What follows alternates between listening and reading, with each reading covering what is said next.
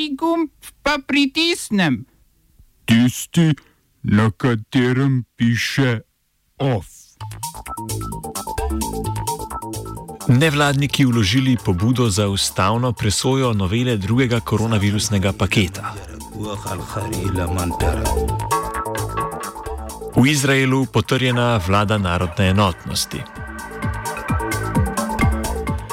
Vladno poročilo o nabavah zaščitne opreme krivdo zvrača na prejšnjo vlado. V kulturnih novicah pa nujna seja odbora za kulturo.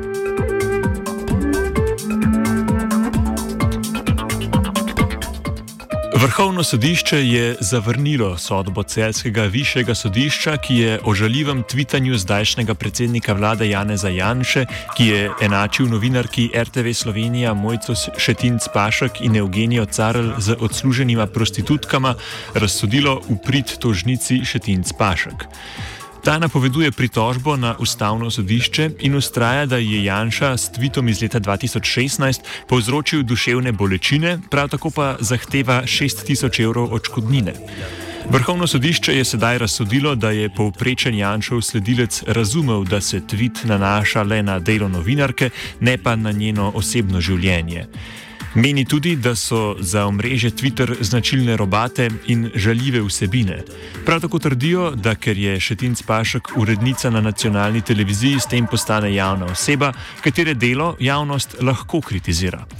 Kako je prostitucija povezana z novinarstvom, ni nihče zares prepričan. Tako da novinarkama predlagamo uporabo pravnega manevra imenovanega: To si ti, kaj sem pa jaz? Saj vsi vemo, da je politika kurba in Janša njena copata.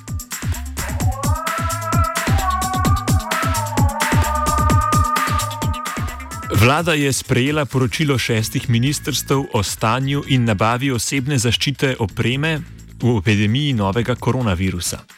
Izkaže se, da je glavni krivec za nastalo situacijo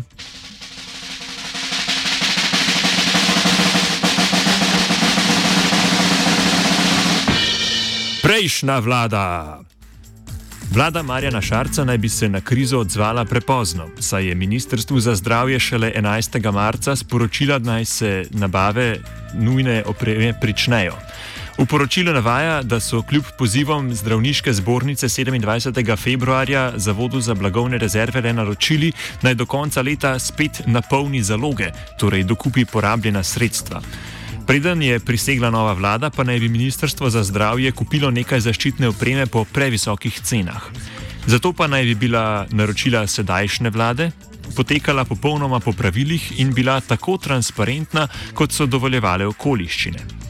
V zvezi z nakupom respiratorjev Gene Planeta navajajo zdravnika Mateja Podbregarja iz splošne bolnišnice Celje, ki je potrdil njihovo ustreznost. Ha, še pomnite besede počivalška? En zdravnik ni stroka? Znanstvena redakcija sporoča. V Sloveniji nismo edini, ki smo se lotili raziskave prekuženosti prebivalstva. Danes je švicarska raziskovalna skupina objavila rezultate raziskave prisotnosti protiteles za novi koronavirus v krvi v populaciji prebivalcev in prebivalk Ženeve, mesta, ki je bilo eno izmed bolj prizadetih ob izbruhu novega koronavirusa. V času širjenja so v polmilijonski Ženevi zaznali 4733 okužb, v novi raziskavi pa predvidevajo, da je v stik z novim koronavirusom prišel vsak deseti prebivalec oziroma prebivalka mesta. Skupaj naj bi bilo prekuženih slabih 10 odstotkov populacije mesta, kar je desetkrat več primerov, kot jih je bilo do danes zaznanih s testom prisotnosti virusne RNK v nosno-žrelnem predelu. Naj spomnimo, v Sloveniji naj bi s testi prisotnosti RNK ujeli le vsako 45 okužbo.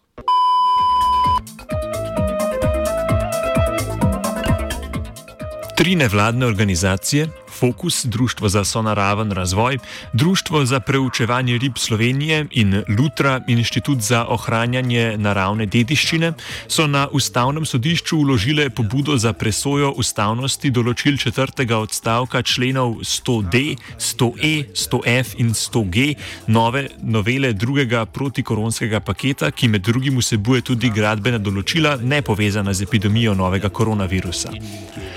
Sporni členi, ki jih je v zakon zapisalo Ministrstvo za okolje z nekdanjim in na nek način še aktualnim ministrom za gospodarstvo Andrejem Vizjakom praktično onemogočajo sodelovanje nevladnih organizacij pri bodočih postopkih pridobivanja gradbenih dovoljenj.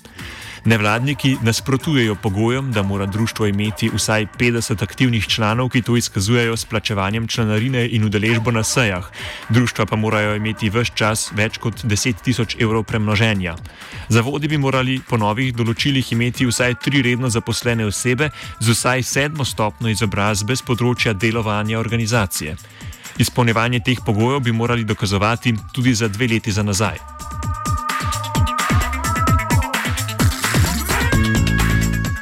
Sindikat osebne nege je dosegel zmago v boju z Ministrstvom za delo, družino in socialne zadeve, ki je preklicalo predhodno trditev, da so izvajalci osebne asistence posredni uporabniki proračuna, zaradi česar naj osebnim asistentom ne bi pripadal krizni dodatek. O kriznih dodatkih v ostalih panogah in v javnem in zasebnem sektorju pa v offsajdu ob 17. Vrh Evropske unije je na virtualnem srečanju obljubil pomoč državam Zahodnega Balkana v boju proti novemu koronavirusu in zagotovil, da bo regija v prihodnosti nedvomno spadala k EU, saj si delimo cilje in vrednote. Vladni govorec za Bog ve kaj Jelko Kacin razloži, katere vrednote to so. Voditelji so podprli pomen zavezanosti držav eh, Zahodnega Balkana evropskim vrednotam in načelom. Eh, kot so demokracija, vladavina eh, prava, boj eh, proti korupciji, organiziran kriminal, spoštovanje človekovih pravic, enakosti spolov in pravic manjšin, in še zlasti so izpostavili pomen izpolnjevanja reformnih zavez. Te vrednote so še kako blizu novemu staremu izraelskemu premijeju Benjaminu Netanjahuju. Izraelsko vrhovno sodišče je odobrilo novo vlado narodne enotnosti med omenjenim vodjo stranke Likud Netanjahujem in vodjo modre in bele stranke Benijem Gancem.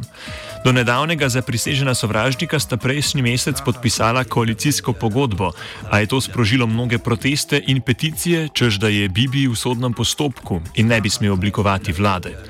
Obtoženje po neverb, podkupovanja, zlorabe zaupanja in menjave političnih uslug za pozitivno medijsko poročanje, da o vojnih zločinih sploh ne govorimo. A kaj, ko imajo izraelska in mednarodna sodišča za to slepo pego? Vrhovno sodišče je odločilo, da pravne podlage za prekinitev vladne narodne enotnosti ni, potrdil jo je tudi parlament z 71 glasovi za in 37 proti.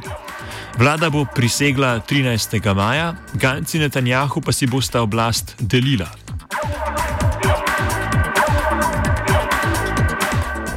Večino kart v rokah nove vlade bo sicer imel Netanjahu, saj so pogajanja povsem razbila Gančevo krhko koalicijo in je bil prisiljen sklepati kompromise.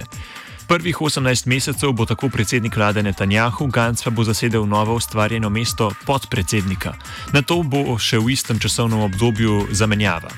S tem se zaključuje leto dni trajajoča politična kriza v državi, ki je v tem času trikrat izvedla parlamentarne volitve, ne da bi bila katera izmed strank zmožna oblikovati koalicijo.